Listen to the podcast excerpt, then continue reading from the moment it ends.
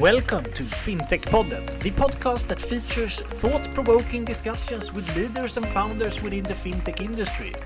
From core banking to Bitcoin, we cover it all. Now, get ready for the next episode. Hi there, Gustav here.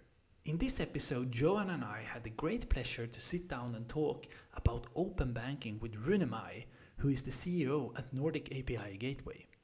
We talked about the current situation of open banking, the Payment Service Directive 2 regulation in Europe, what's missing in it and what's good with it, and what is around the corner when it comes to open banking. Also, Nordic API Gateway recently launched a new platform called Aiia.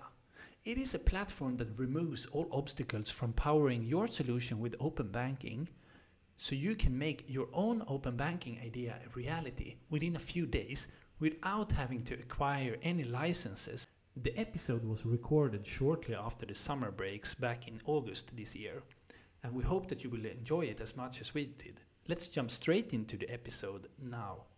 Hi, and welcome back to FinTech Podden. It's been a couple of uh, weeks where we have been off for summer vacation, but we are now finally back and kicking off with a really interesting guest, Rune Mai from Nordic API Gateway. Very welcome to FinTech Podden, Rune. Thank you. I've been looking forward to this. Yeah, we too. And uh, how are you and how, how has your summer been? Uh, my summer has been fantastic. Uh, I own a summer house, so uh, I kind of barricaded uh, down there uh, for the last six weeks, doing a lot of remote meetings and stand up paddling and fishing and, and, and bathing. So it's been really, really nice. That sounds really nice. Yeah. So the lockdown hasn't uh, been that bad to you uh, then? no, no, it hasn't. Uh, actually, uh, I think I, the, the, way we built the company, uh, we we used to be remote way before Corona. Mm-hmm. Yeah, that's that's uh, gets in good good timing right now. Yeah. Um, but yeah, can you tell us a little bit about yourself and the Nordic API Gateway? Short introduction. Sure. Um, I started out in as a consultant way back uh, uh, 20 years ago uh, and, uh, and moved then into more and more product uh, where I used to work for eBay in, in the classified industry that they recently sold. Um, and then by sheer coincidence or accident, you could say, I ended up in fintech. Uh, at that time, when when I built my company 10 years ago, I didn't think of it as in fintech. I saw it as a consumer tech company. So like down the road, it ended up being a fintech, and and now I'm I'm here working on Nordic API Gateway and and, and also another project called Spiir. Um, mm. And for those of you who don't know Nordic API Gateway, uh, the quick version is that it's it's an open banking platform that actually works. Um, mm. And that that sounds a bit corny, I know, but but we we actually spend significant amount of time on on building coverage on each of the markets we are present in uh, that actually works. So we we work very closely with each of the banks, uh, open banking teams. We work closely with the, the, local FSAs in order to achieve the quality that is needed for use cases to go live on top of open banking. Um, so I think that the, like the part about that actually works, uh, it, it's something that people they tend to think works mm. with with a gateway like ours but uh, in reality it's it's really really hard work to get to the point where you have something that is fully usable um, and what we do is we allow any company to connect their customers or users to their bank accounts for either payments or for data retrieval and we do that on uh, both like personal accounts and business accounts throughout uh, 17 countries already in, in Europe. Yeah, that's really interesting. And and uh, but currently, as you said, it's um, it's uh, for for the European uh, those seventeen uh, countries. They are European, right? Yeah. Yeah. And uh, uh, I just wonder also. You mentioned Spiir. is that connected to Nordic API Gateway, and and how, if so? It's you could say it's our legacy um, ah. or our DNA. So when I started my company back in 2010, it was actually called Spiir, mm. and Spiir is a Danish slang word for money. Ah. It's just like saying you owe me dough or something, right? Then mm. you owe me spear. Um, and um, I, so I started actually building uh, an aggregator uh, myself back in 2010, one of the first to appear in, in the Nordics. Um, and in 2012, we automated the, the data retrieval part, hmm. building, you could say, the first uh, early stones for, for Nordic API Gateway. And we've been in operation in Denmark with that platform for yeah 10 years now. Uh, and then we extended, you could say, the engine of, of Spiir to uh, to an API that others could use. and Spiir itself is a is a consumer focused product that actually does a really really nice job of automating young people's process of becoming financially aware without them noticing. So the whole game hmm. is to kind of like in a positive way trick young people into using the app and then trick them to become financially aware because if there's one thing that is really boring for young people it's actually to work with financial awareness and budgets and so forth what we do instead is we kind of gamify the whole process. Um, and mm. we have, I think we have like 370,000 users throughout the, the Nordics on, on that platform. Oh, that's really nice. And, and how how how young young are the people? From what ages? It's it's from it, it used to be from 18 to like 35 ish. Mm. So it's kind of like we, we, we try to call them like young urban city dwellers. Mm. Um, but, but what we see now is also like 16 year olds and 15 year olds and so forth because more and more can get access to credit cards. Yeah. Um, and, and as soon as you have like an account in a bank, you can kind of like connect that to Spiir. And then you get this little assistant that presents you with uh, cards about your finances, kind of tidbits of information or quizzes or challenges and so forth that each of them nudges you to become financially aware. So it's a, it's a very simple, basic app, but it, it took a long to, to, to reach, you could say, the conclusion of that app to, to, to, to reach that end goal. In the beginning, I thought I could do like Google Analytics for finances and everyone would love that. And what I realized is that no one wants to be in the cockpit of their own money. People are too busy living their lives, right? Hmm. But but as I said, like it's our DNA or our legacy because today the reason why we keep that project going is that it's actually you could say the best experience and learning platform for ourselves mm-hmm. to kind of like feel all the pain the TPPs are feeling on top of us or all the greatness they are feeling because we consume our own services you could say we are our own customers with, with that platform and at the same time it's also a way of getting early access to a lot of testing like quality mm. assurance because people they tie in the bank accounts on that platform and then we can validate that the connections we created for Nordic API Gateway actually works. And that's mm. that's why we have a, like a really really high quality on on the connectivity part on Nordic API Gateway in, in the Nordics. Mm. So you can say that Spiir is your business to consumer offering, and Nordic API Gateway is the business to business, and yeah. they are kind of intertwined from your side. You use it for each other, kind of. Yeah, and then we we have like the opportunity of also like white labeling Spiir, so it's also a B2B product, you could say, where mm. let's let's say we actually work with a bank in uh, in, in one of the mid-European countries, and, and and they want to use Spiir as as their own, so they can kind of brand it totally as their own, and, and then get access to the engine, and it's it's something they can do within like a month because we built mm. Spiir the way that it's really easy to skin differently and to launch as a separate app. Hmm. And to me, it's for for a bank, Spiir is a perfect engagement channel, right? Because I think mm. one thing that banks pr- probably lost a bit is actually the engagement of young people. Mm. They are too kind of like alienated by the way like a mobile bank works. It's it's too much of a database, right? Mm. Yeah, it's a, like a digital copy of your bank statement. It's just yeah, like a list with transactions, nothing else. Exactly. But yeah, if if we take a, a broader uh, look on the uh, the whole landscape of uh, open banking, what, how would you say? I mean, we had the the the the, the, the launch date, the 14th of September last year, where PSD2 went live. But what would you say is the current status of open banking today? What has happened since then, and, and what do you expect to happen? Yeah, so I would say it's alive and kicking right now, uh, and it's it's moving really fast from maturing to matured. Uh, which is good. Um, and uh, there is like to me there's a process there like of the APIs to be in in a state that is good enough for people to actually consume them and use them for services they build. Um, the other part is then the ones actually giving access to the accounts. uh, you know, me and you, uh, we need to also entrust that access to someone. Uh, and I think that's the sep- separate wave uh, that we're going through right now with open banking. I think that's like moving to a place where GDPR kind of backs up that trust so that you can be uh, assured that uh, when you share data for for another platform that they don't misuse your data right because i think that's on everybody's uh, top concern right now with the the way facebook and tiktok and, uh, and these platforms they they kind of like abuse the the data they kind of know and collect about us mm.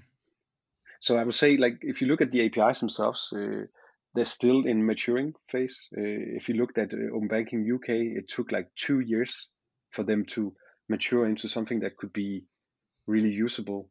We had like uh, in 2019, that, that was more than a year in, they uh, measured uh, one of the big banks' uh, interfaces, and it had like within a quarter, it had an uptime of 20%. Hmm. And that was a year in, right? That, that's just too poor.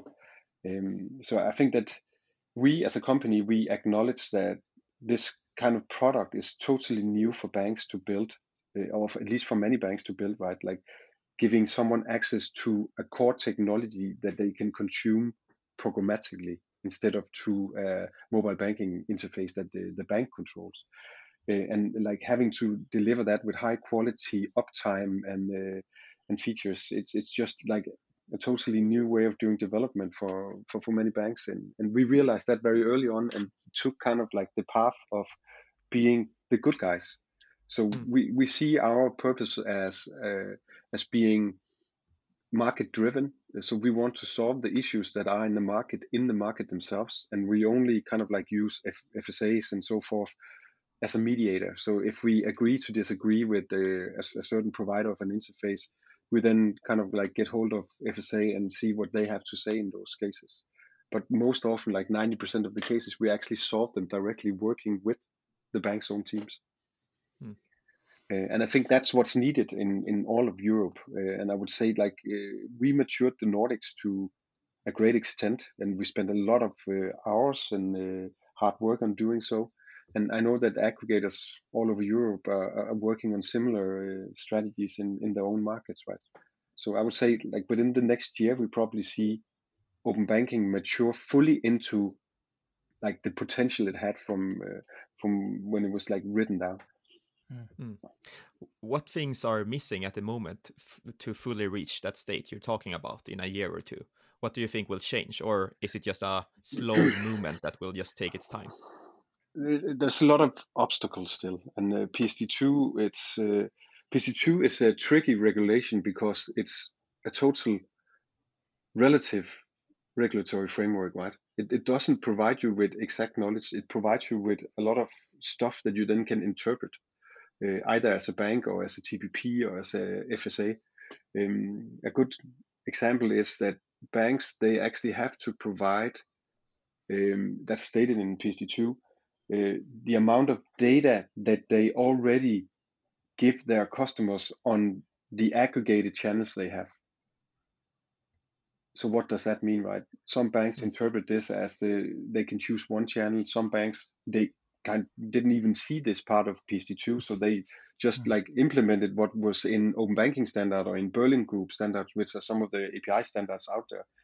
Um, but in reality, they should be looking at their own interfaces and and all the data fields that they present to their customers already. Those should be present in the apis mm. and to a far extent today they are not. So so that's something we work with banks on and uh, why is that important it's really really important that you can get details on a transaction in order to know whether it's uh, like within this hour that it has been made or like because sometimes they only show like a date instead of a date and a time uh, so it's really hard to sort your transactions the correct way um, if they don't expose that information. But but even further down, it's also like what kind of transaction was this? Was it a transfer? Was it a credit card uh, um, payment? Was it a a, a bank payment or mm. whatever technology has been used for this? These information should be present, and, and, and currently they lack many many places. But we're getting there, I would say. On the payment side, it's more like building too cumbersome, too compliant flows, like misunderstanding the part about consents, whether it's the TPP that has to like get the consent or whether it's the open banking interface that has to do it. And that sometimes creates situations where you ask for the same consent two or three or four times and you ask for like swiping twice in bank ID and so forth. And of course, that's not a feasible solution for competing against credit cards, for instance. Hmm. So I would, I would say there's like there's some way there still to go, but but again, it's getting there. It's maturing really fast, and there's a lot of players working on this, and there's a lot of banks also working on this, uh, which I think is really really important. Hmm. And um, I mean, if we look back uh, from in previous interviews and so on, we have seen that many banks have seen it as a regulatory burden and so on. But how would you say uh, uh have the banks reacted now? Do they see open banking as an opportunity or a threat from uh, like fintechs and big techs, or how do you see that right now? Um, the funny part is that everyone they were talking about like TPPs, like third-party providers, as someone else than banks. But if you mm-hmm. look here in the Nordics alone, the most active TPPs we have is banks themselves. Mm. Like Danske Bank, who launched their uh, aggregation feature back in 2018 already, uh, on hmm. top of like our uh, fallback interface access. Uh, and DNB in Norway, they launched a, a new mobile banking experience where you can like pay bills from any account. You can transfer money from any account to any account, also non-DNB accounts. Um, and we have like uh, SEB in Sweden uh, with with Tink, uh, and we have Nordea and and so forth. Like the banks are very active within the space, and I think for a reason because they realize that now with PSD2 they actually allowed to use the data that they sit on top of. Mm. Uh, but all of a sudden they realize also that they're missing huge chunks of data in order to do, for instance, a proper credit assessment uh, digitally, right? So, so they are kind of powering up for to do so, and also powering up to see if they can win the interface, right? Because that, that's the other great part about open banking is that you can actually use the access to accounts to build an experience that is superior to others. And then I, as a customer, would probably prefer that superior experience, even though that it's from a different bank. Mm. And then all of a sudden, the, the bank starts disintermediating my, uh, you could say, uh, value exchange with the with my own bank. And slowly they start adding products in there, and then they sell me the next loan. Hmm. So I, th- I think like banks themselves are probably the answer to to that question. That they are highly active in on all markets in in Europe, as I see it. Fintechs semi-active. I think. Uh, it's probably has been somewhat a shocker for many startups that uh, like getting a license was not just like a walk in the park mm. and and also getting access to the apis it's just not a walk in the park either because you have mm. to order your own security certificate and then you have to onboard that with all the banks you want to access so all in all like like from from from you realize you want to use open banking until you're actually done with your application and, and live with the, with your own app it might take like months, like four or five months. Um, and that's not the pace that the most startups they are fortunate enough to to be able to survive by. Right, they need to move faster. Um, and so, and that we built technology and solutions for for those cases also, where we kind of hold the license for for companies that uh, are not able to get their own license for whatever reason. That could be lack of resources, lack of knowledge, and so forth. So they can like use a platform that uh, is called uh, Aiia in in in our portfolio where we then like hold the license. Hmm. But uh, could you go into a bit more detail how that uh, how that uh, does that work and what do a company or a fintech needs to use your license to access this type of data? Uh, the only thing they need is to be approved by us. So we do like KYC and AML checks on uh, all our customers there. But but in reality, the platform we built is actually a end user platform. So either if you're a business owner, if you are just a consumer or citizen like like like us, um, we build a platform where you can access your sharing of accounts. So once you go into this Aiia platform as a user, you would see the accounts that you already shared with Aiia, and you would see all the services you're sharing them to. and for what purposes. And you can actually kind of like close off the connection from that. Uh, and it logs all the activity across mm. all the different sharing you have. So, so that it gives you a lot of advantages as an end user because if you already set up your accounts in, in, in Aiia, if you go to a new service and you want to share something, you just have to log into Aiia and then uh, like click on the account you want to share. And then they're shared. You don't need to log into your bank and, and all that. Uh, you probably also heard about the, the 90 days uh, re-authentication rule in PSD2 that mm. every 90 day you have to re-authenticate. The reason for this to be put into PSD2 was to protect the consumers, but in reality, it's actually just going to hurt consumers, right? Imagine if you mm. signed up for a service every day for the next 90 days, then you would have to do uh, SCA for the rest of your life every day. That's not a feasible solution to bring consumers in.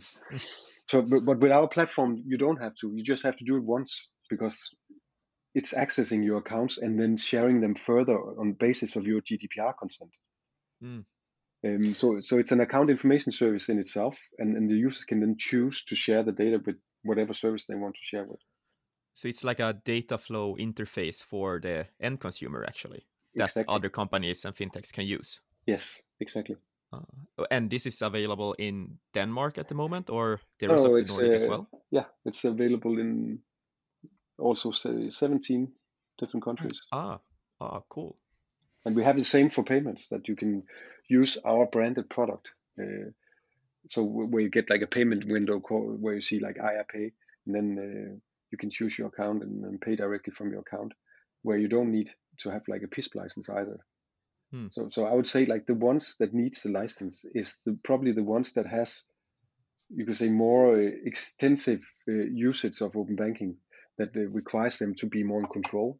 Uh, because of course, if you look at um, the platform Aiia that we built, it's it's a data controller platform, right? It owns the data and then it's sharing them further on. Uh, at least it by terms, it's actually the user that owns the data, but still we are as a platform the data controller. And many cases out there, many enterprises, they can't live with that, right? So, so on the enterprise solution side, we have the exact opposite, where we act as a total data processor only. So we never mm. store any data. We just like transfer data from A to B and then delete every trace afterwards. And that's the one that uh, most of the banks are using, right? Because that gives them the upper hand in terms of uh, security and compliance. Yeah, and, and uh, if we look from the, the, the, end user's perspective a little bit, uh, so, so, one question I have is uh, if, if, if the open banking has simplified the, the end user's interactions with the bank, or, or has it become more complicated currently? Uh, what's your thoughts on that? I think it depends very much on the markets, right? Here in Denmark, when when the banks they uh, they built the PSD2 interface and, and, and looked at their own mobile banking apps uh, in order to comply with PSD2 regulatory frameworks. Many of them they overinterpreted the login part, right? So they forgot that they could actually have users only log in every 90 days themselves. That would be totally feasible, right? That you're allowed to do that with open banking. But they, many of the mobile banking apps here in Denmark, for instance, you have to log in with SCA every time. So mm. you could say that's that's somewhat a nuisance, and in reality, it's just a shame because it means that others that don't force you to do that would probably be more relevant for for banking customers, and that opens up like uh, uh, you could say that opens up a hole for uh, for fintechs to appear to to kind of solve and address that issue. But but but in, in general, I would say that uh, open banking is is a real advantage, not only for consumers but also business owners, where we have, I think, like 13 accounting system providers as customers today, mm. and and they have like a clear cut case, right? It's it's cost reduction, it's business process optimization, and automize, automating like tedious processes like uh, reconciliation and bookkeeping. All of that can be done by accessing the account data of uh, of the, the bank account, um, and and then on top of that, they can kind of like remove the whole reiteration, reiteration uh, that happens between bank and bookkeeping system because all of a sudden all the stuff can be done directly from the bookkeeping uh, bookkeeping system. So I think that it, it, it already poses advantages. Uh, here in Denmark, we see banks moving forward. I would say on the agenda as we see in Norway, but but fintechs are also picking up. Uh, I know that guys like Revolut they're launching like their account aggregation in more and more countries, right? They, recently launched in Italy, and of course they're also like using that here in the Nordic to try to mm. become the primary interface of young people. But uh, going back to this, you talk about the consent every 90 days. Uh, my experience, as you said, like majority of the service provider has not implemented this functionality that you don't need to use SCA every time. What, what is your like? What is your take on why not more fintechs and banks hasn't applied this 90 days instead? Is it hard, or does it uh, no. any other regulations you need to follow, or is it just ignorance? I think it's it's like if if if if there is a verbal way to express this, it's probably positive ignorance. um, so you have to remember when when when the banks they do these uh, um, open banking interfaces, they have like a security team, they have a compliance team, and many of them they put these teams in charge of the PSD2 interfaces instead of mm. like putting product teams in, in charge of them, right? And mm. I think many banks they have really great product teams, but those product teams they work really hard with the compliance teams to get something mm. out there that is usable. And if you if, if you kind of reverse that and, and, and put compliance on top, you also get like compliance focused solutions. And and and like over focusing on compliance, it might sound like a bit wrong, but I, I don't mean that you shouldn't focus. I just mean if if if that's your sole purpose, you end up creating something where the usability of the thing is in the background and I think mm. that's probably the primary reason why so many has not like followed up and uh, implemented these things. And I would say like the banks that has where you just do like a facial ID when you log into your uh, banking app, they see the usage of the apps kind of spur and explode, right? Hmm. So, so it, it, to me, it's it's counterproductive to ask for a full SCA every time. It doesn't really make sense if you're allowed to not to do that. Mm-hmm. And from the fintech side today, is it a limitation on the current uh, APIs that the banks provide, or is it a integration uh, issue? It's probably an integration issue. Um, I, hmm. I, think, like many of our competitors, they haven't moved fully to PSD2 interfaces, for instance. So they do still their hmm. own like fallback access through reverse engineering and so forth. And hmm. of course, if you reverse engineered mobile, banking apps and those all of a sudden require you to do SCA every time, then you're effectively cut off from being able to do the 90 days thing, right? Yeah. Uh, and I think like in Sweden, there's a lot of providers that are still on, on their own interfaces where we are fully on PSD2 exactly for that reason to make sure that people they can automatically retrieve data. It's, it's very interesting. And and um, moving a bit further into to discussion of uh, open banking into open finance. Uh, yeah. What are your thoughts on, on the topic of open finance and, and how are you at Nordic API Gateway adopting that? It's a really interesting question. So, if you look at Nordic API Gateway, our strategy is actually to follow the money. So, we have a, a fairly large reverse engineering team that has like capabilities beyond my reach in terms of like how to access data from different systems and combine them and so forth uh, through reverse engineering. Um, and the reason why we have that is because PSD2 is only regulation for payment accounts, right? So there's still like all the other accounts that banks has, but there's also tons of other closed loop accounts that is of interest in many use cases out there.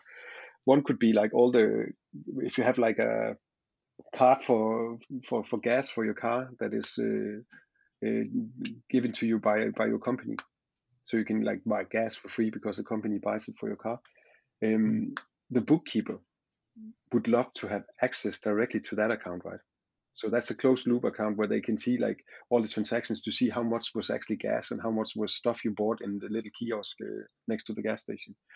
Um, so we we kind of follow money where it goes. So we have all these accounts on there we also have like taxation accounts, like the Danish taxation account. So you can like log on to that directly from from your application as well.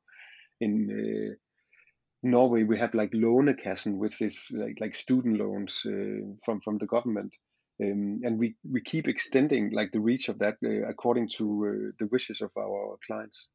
So in uh, in Sweden, for instance, um, in order to do reconciliation Uh, when when it comes to bookkeeping, Bankgiro uh, is of course a big player, and if if if you did like ten invoice payments with Bankgiro, it only appears as one transaction in the bank, and it has a strange number, and that number is of course an ID to look up the ten invoices in Bankgiro.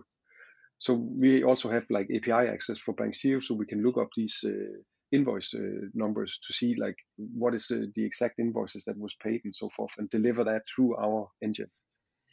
So, so, so I think uh, from day one, we actually thought more of open finance than open banking. It has always been about like following the money.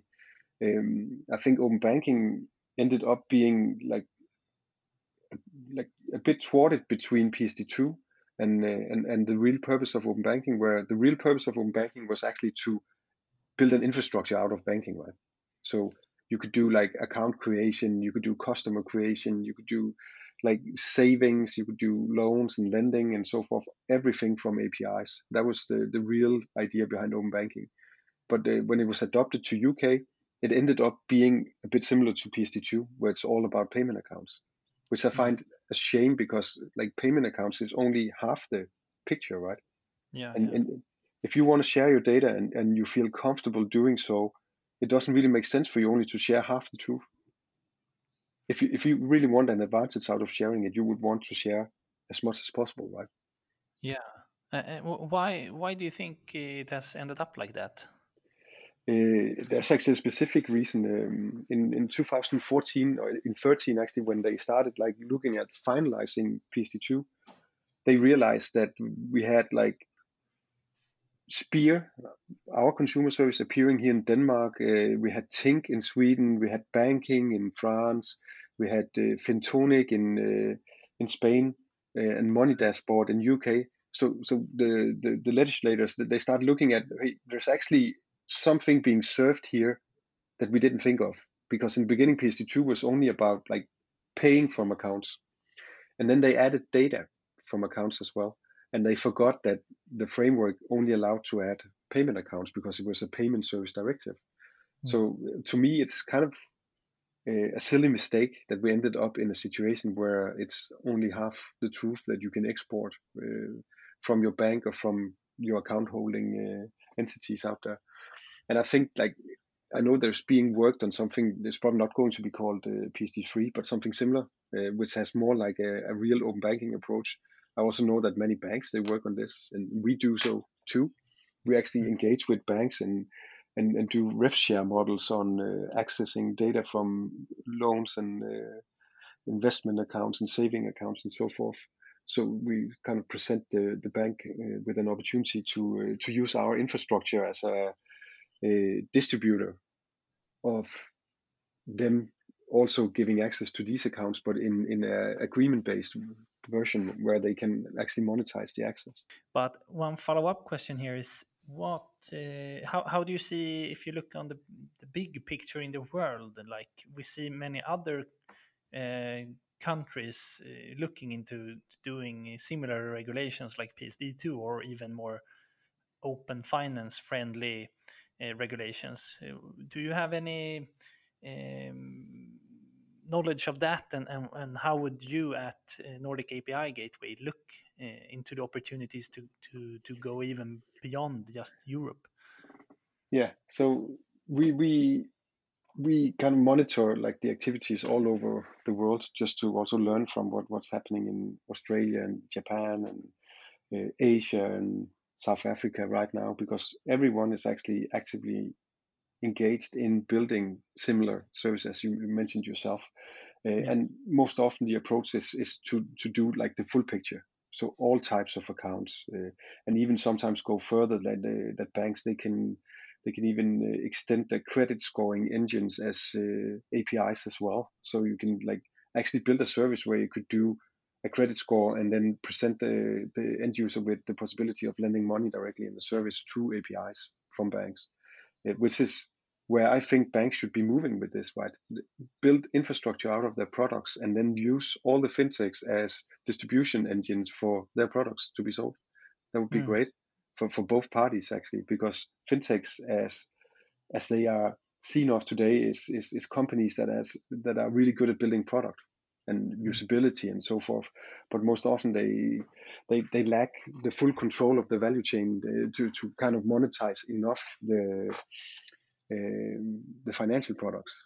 But but Mm. like doing uh, with, with simple APIs would mean that they would get access to to those products in in, in rev share models. Yeah, so, so, Um, so basically, it- become banks can become the rails for fintechs, or uh, for themselves also they, they, they can launch a number of fintechs uh, why isn't it uh, that a bank launches like a housing Mm. mortgage fintech company and then try to address that problem why don't they do like a, a car app where you, you Yeah. tie up your accounts to the app and then it knows everything about how you spend money on your car and it even knows how others with the same car as you spend their money so it can give you a full picture of the total cost of ownership right because Mm. people they think that uh, when they like lend money for their car that that's the only thing they have to pay. Like 1500 uh, swedish kroners a month that's what i have to pay. But in reality you also have to pay a lot of other stuff like repair you have to pay service fees for the government and, and so forth. All that can be mapped out by using data. Um, and, and then you could be like lending new money for new cars in that app directly. But i think it's it's a, it's a matter of um, of changing the mindset of the industry and i think it's slowly happening uh, and um, i have like lars malmberg from danske bank who's also like sitting with us in in my board um, he said once uh, that banks that think PSD2 and open banking will be about defending themselves, they will lose. Yeah. It has it has to be about seizing the opportunities. Mm. And uh, so so I think that especially European banks will probably learn a lot from Asian banks and Australian banks because they they build way more open access API economies down there right now. And I think our approach is that we are not we, we don't think that we can be one global company by ourselves currently, right? Mm. Um, so so um, a lot of uh, companies they already talk a bit about like building like roaming strategies and so forth. So in, in Europe, we want to take the position ourselves because we feel that we have the right strategy to provide Europe with open banking that works. Um, but moving outside Europe, what we do there is actually engage in, in dialogues directly with the, the providers that are there. So so I'm engaged with like uh, the Asian providers and, and and with the the Australian providers uh, in, in talks about how we could actually facilitate the usage of each other's platforms to provide Asians with access to Europe and uh, Europeans with access to Asian markets. Yeah. If you stretch if you stretch too far, you end up stretching too thin. Mm. Um, and once you stretch too thin, uh, it's very similar to like the Roman Empire and so forth, right? Uh, or even bacteria culture. It- It's what's happening everywhere. That if you stretch too far, and uh, then you implode from within. So if if it's really hard if you have like ten different fronts to work on at the same time. Yeah. You need like massive teams. You need massive competencies, um, and you have like massive you know bad uh, reviews from your customers because everyone was thinking that your platform was better than than it actually was uh, and you have a hard time keeping up with that demand um, Mm. and and to us there's another way and that's like not focusing too much too fast on scaling out uh, so right now our our first game was to become the best at what we do in the Nordics and we feel that we kind of like achieved that goal now the next is to become the best as what we do in Europe. And we Mm. we set aside one year to do so, but our customers, once they realized that we're moving outside the, the boundaries of the Nordics, they started just like pouring in with uh, requirements for, for new markets and uh, new services they want to launch. And that means that when we go to a new market, we actually already have the funding in place for that market. Mm, mm. So we don't like lay out the pipes uh, as as an early investment ourselves because as you could imagine if, if it actually was water pipes and you you built a just like the chinese they did they built like this whole city areas where where no one lives. The day that people they move in there and the pipes hasn't been in use for five years they will leak once they open up the pipes right? Because they rusted and uh, they, like no one kind of maintained it. Um, you need someone to use your systems for them to become really great. And, Mm. and, and I think that's that's the core philosophy of, of how we build uh, our strategies. That we want to build stuff together with someone always. Mhm. Yeah.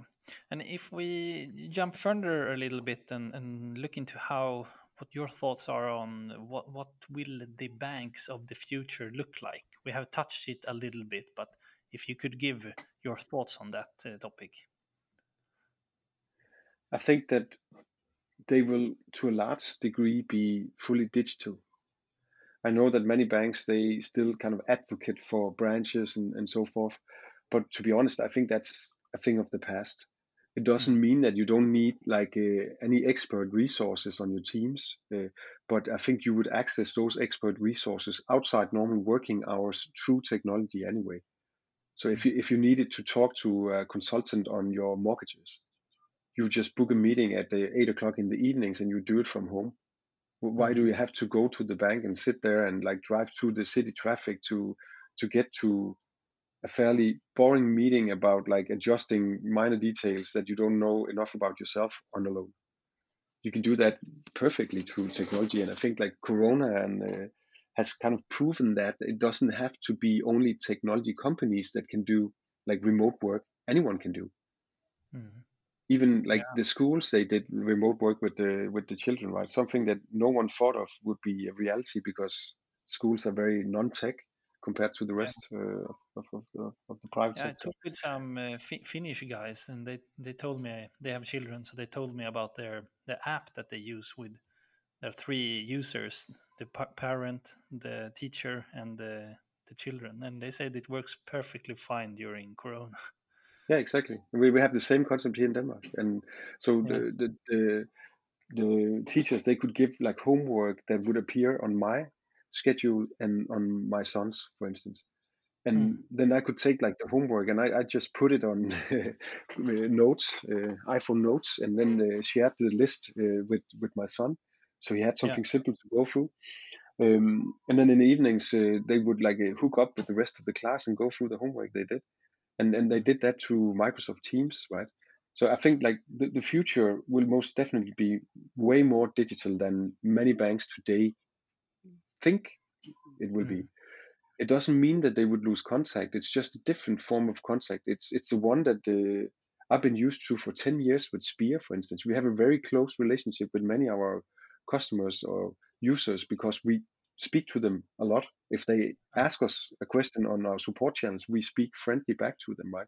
We even sometimes have people calling us, and we actually pick up the phone and talk to them, even though it's uh, expensive for us to do so, because we want that relation but you don't Mm. need to meet with them in person to get that relation. And I think No.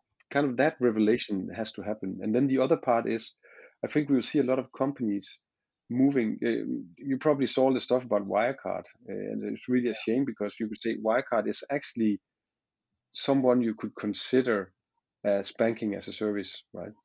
Yeah. they have more many of the banking products as infrastructure products already. Uh, but I think some banks will seize the opportunity of uh, the downfall of uh, Wirecard to, to do something similar. And it really makes sense. The, the way I see it, if you look at the um, US uh, market, there's a lot of big scale fintechs in the US markets. That's why Plaid, as an aggregator over there, made a lot of money. It's because they had like a Venmo that did like 20 million payments a month. Of course, if you do like a tiny dime of those 20 million, you're already making a lot of money.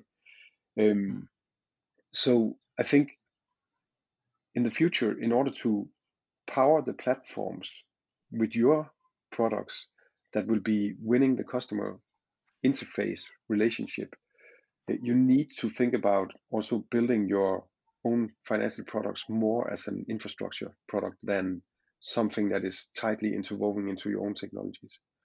Um, and it doesn't have to be brandless you could require to the usage of your APIs that you present like the lending mechanism with a branded or powered by Danske Bank or whatever you wanted to do. It doesn't have to be brandless. It doesn't have to mean that the bank becomes commodity and can be exchanged uh, very easily with each other. I think that's the biggest uh, scare of banks right now is that uh, if they end up as commodity and everyone is just doing like price comparison on them and they don't have any effect on the customers, I don't see that happening. But but what I could see happening was that if I was a Spiir user myself, I am of course, and let's say I had Danske Bank as my primary bank, if they could tell me, hey, Rune, do you know that you can you can actually apply for like a loan of 100,000 kroner with us for only 4% in interest rate because you have this credit score. I would be happy with that relationship with my bank.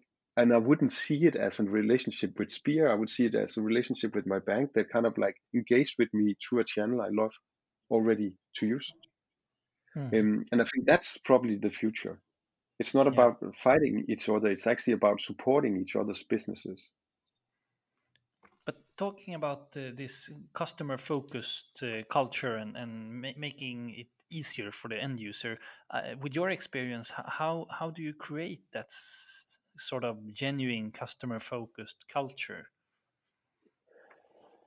Um, some I, have been like talking to a lot of banks, right, and I also have like DNB and Danske as uh, as part of my ownership circle. Um, and what I keep telling banks over and over is that the moment I step into the door of a bank, if I talk to the product team, if I talk to the UX team, if I talk to the design team, everyone is talking about customer experience. And I think in order to get a culture that is really focused on your customers or your users, you should actually talk about user experience and then see it as a privilege to turn your users into customers. By always talking about your customers and their experience, you're also not talking about all the others that are not your customers. But if you want to create something truly great, you have to acknowledge that not everyone will be your customer, but many could be your users. And mm. it's okay to invest into technologies or platforms that would help people out there that doesn't even consume any of your products because one day they might and if you then are not present that day you lose that relationship and that customer to someone else. So I think like in order to create something genuinely focused on on, on your users, on on your customers, you have to start with understanding like the basic needs of people. What is it they want with their lives, uh, and then build your services around that instead of building it around your products. Where today, if you look at the many banks, they have the, like life events as as as the new uh, mm. black thing, right?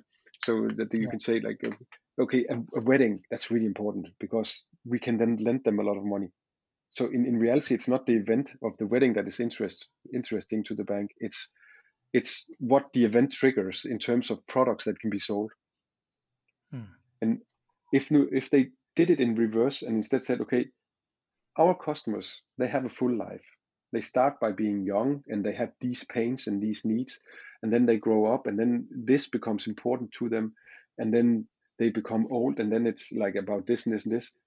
What kind of products could we build for them? What kind of experiences could we give them that would give them a good life? Mm. so it's it's it's to me it's it's it's about like getting away from only doing technology or doing development or doing something if there is a dime involved because mm if you only think about like the money you can make, then you also remove yourself from from the relationship with with that user or that customer.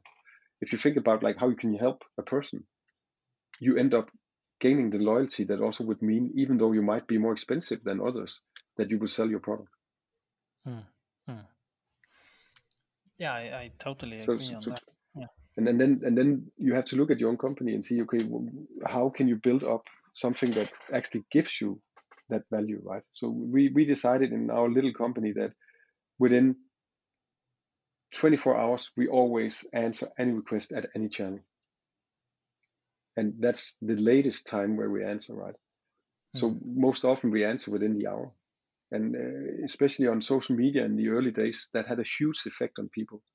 That they, in, in the beginning, like the whole Mark Zuckerberg project with Facebook, for businesses at least was to kind of open up businesses to the outside world and he kind of achieved that until he started doing all the ads right um, because uh, there was totally a new thing in 2010 that you could communicate directly with the core of a business. Mm. Before that, it was like high walls and uh, you didn't know how to get in there and there was a phone number you could call and get in a line right all of a sudden you could just talk directly to the business owners or to, to someone related to uh, to product development uh, on social media. Um, and we seized that opportunity to make sure that people they understood that we were really really approachable we were really really transparent. And if mm. people they ask us hard questions we actually give us time to answer them thoroughly. Also like aren't you just tracking us? Aren't you profiling us? And, and so forth. Like then we answer these questions very honestly. Like what is it actually that we are tracking? Would we ever allow ourselves to sell your data and so forth? Are we allowed to do it through the user terms? Yes we are but we don't do it unless we get your consent and so forth. We explain all these things uh, in order to show the transparency that we think is needed to kind of foster that kind of culture. Mm and and then you could say the other part is then in order to to, to do so you also need to foster a, a culture within the company of listening hmm. like taking it very seriously if someone is asking you something or if uh, demanding something of you to understand what it's in reality their pain or their needs because they hmm. might be saying one thing but in reality it's something else that, that, that bothers them but if, if you don't have the time if everything is like punch clock start, punch, punch clock uh, end for every customer that you treat, uh, you don't get to that culture. If we look at another topic, um, also uh, around the payments journey, what, I mean, what what challenges do you see in payments currently? In payments in general, or in payments with like PSD2 and open banking? Yeah, um, perhaps we could see the, the there. We have one question around. Um, how do you see cards uh, staying competitive with the the, the PIS service from PSD2 over the next decade? Yeah, actually, I don't. To be quite firm, um, I think that um, cards will outcompete itself. Uh, like Visa and Mastercard already moving more and more into virtual cards, which is just a token similar to the token you could receive to, uh, that allowed you to pay from an account. Mm. Um, so I think like the, the, whole issue with the card is that you don't carry around the wallet anymore. You carry around your phone, but if you add your cards to the wallet of your phone, you can't see the numbers. And then you go to a homepage where you need to pay for your new shoes, and they ask you of all those strange digits, right? So you have to remember like the 16, 16 digit number, and you have to remember the date, and you have to remember the CVC code in order to hmm, perform yeah. a payment. It's actually quite strange information that you asked of, right? Where yeah like logging into your bank account that's very simple you've done that a thousand times before you know like it's just a swipe in bank id or whatever and then you're in there right? Choosing your bank account. Once you set it up you don't need to do it again. You just need to swipe with bank id and i think it doesn't leave a trace. That's probably the most important part. I see that the psd2 can help tremendously open banking payments on creating a very secure means of paying online. Mm. because there's a SCA involved every time. Where if you if you, if you go for card payments, most of them are, are stored in some kind of tokens, and, and these tokens can be stolen, right? And once they're stolen, they're sold on Russian uh, black uh, net sites uh, for USD uh, each, uh, and then you have the whole cybercrime team going. Um, mm. and, and, and this happens over and over and over again because you kind of store too much payment details online where if you just logged into your account, performed the payment, and left your account again, there's no details to be stored anywhere. So I, I really love the simplicity of being able to pay with your account. The other part is the convenience. Like if if done right, PSD2 has a really really high level of convenience. We have banks that implemented uh, biometric um, for uh, for logging in, so you could do like facial ID. So the only thing you have to do, you go to the web page, you say you want to pay with your account, and then you do a facial ID on your phone, and you paid. Hmm. It's, it's very simple, right? And I think that will be the drivers. Uh, I read in there was a survey done a year ago, something where they looked at how much of the current card traffic will be moved to account traffic, like paying with your account. And they account. estimated within yeah, account to account. So they've estimated within 2020 that 5% of all card traffic would be in danger of, of, of being lost to uh, account to account payments. And I think over the next five years, we, we're probably talking about way more than that. But that's probably also why we see both Visa and MasterCard and, and, and other big payment players being very active within this field right now. Yeah, yeah. I, I mean, it's it must also be a driver for for businesses to if they have a, for example, SaaS um, business model, having people paying with the with cards and paying fees every month. Exactly. It must be cheaper to go with um, open banking payments uh, rails yeah. instead. So um, I can uh, I can reveal at least like uh, the, the the prices that we do for PSD2 payments are like in many cases tenfold lower than normal card payments. And we mm. do right now more than more than 200,000 PSD2 merchant payments in Finland, for instance. So we are moving to a level where it also kind of matters. Uh, 200,000 isn't that many, right? But, within the the rest of the year, we expect to be crossing like the 1 million PSD2 payment merchant uh, payment uh, line uh, for our platform every month, right? Doing and, more than a million. If you're a small business, uh, how do you actually use the? Can you use uh, your payment service for subscription subscription business or? Yeah, you can use work? it for for bulk payments. So if you have like a if you're doing like invoicing as a bookkeeping company does right you can like put like 10 invoices for for payment and then uh, you probably need me as a business owner to do like the SCA part so i just get like an email saying like these uh, 10 invoices has been put for payment just like verify and then you do like a bank id swipe and all of them has been paid so that's the mm. bulk payment we do that and then also subscription where the amount has to be the same that's the only mm disadvantage the way uh, PSD2 subscriptions was kind of uh, articulated is that the amount has to be the same. The last amount can change, so you can also use it for down payments on loans. Um, but so it's it's really perfect for like software as a service solutions where the amount every month is the same. So you pay like I don't know 99 kroner or 10 euros every month, uh, like Netflix and, and so forth. Yeah, or yearly. Yeah. Yeah, exactly. Yeah, but it's been really interesting to, to, to, talk about open banking and everything we have discussed today. Uh, but I think the time is running out. But before we we end uh, end our conversation, I would like to ask you more to ending personal questions, if that's all right with you. Of course. So the first one is uh, if if you have to choose uh, one fintech in the world that and you cannot choose um, uh, Nordic API Gateway, which one would you choose as a favorite fintech? Then I would most definitely choose Spiir. no, um, um, I thought a bit about that, and I think a company that really fascinates me is uh, a Brazilian company called Nubank.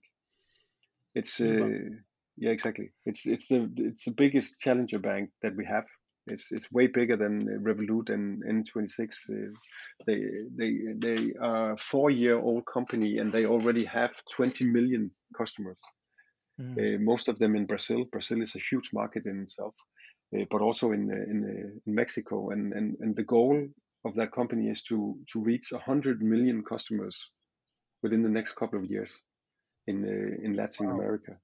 Um, and and I think the beauty of their solution is not the amount of customers, but when you realize that many of those customers they have belongs to the underbanked guys that were not able to get a digital account before they now do and they get a credit score and they get the ability to sometimes lend money so they are actually improving lives sorry dramatically in uh, in Latin America right now and uh, I think that's that's a, a, really great example of how fintechs or any company could like build services that really matter Mm, cool, interesting. Yeah, I, I have definitely heard about Nubank. Yeah, uh, it would be nice uh, to have them in the pod, but uh, I mean, it's not nor- directly a Nordic focus.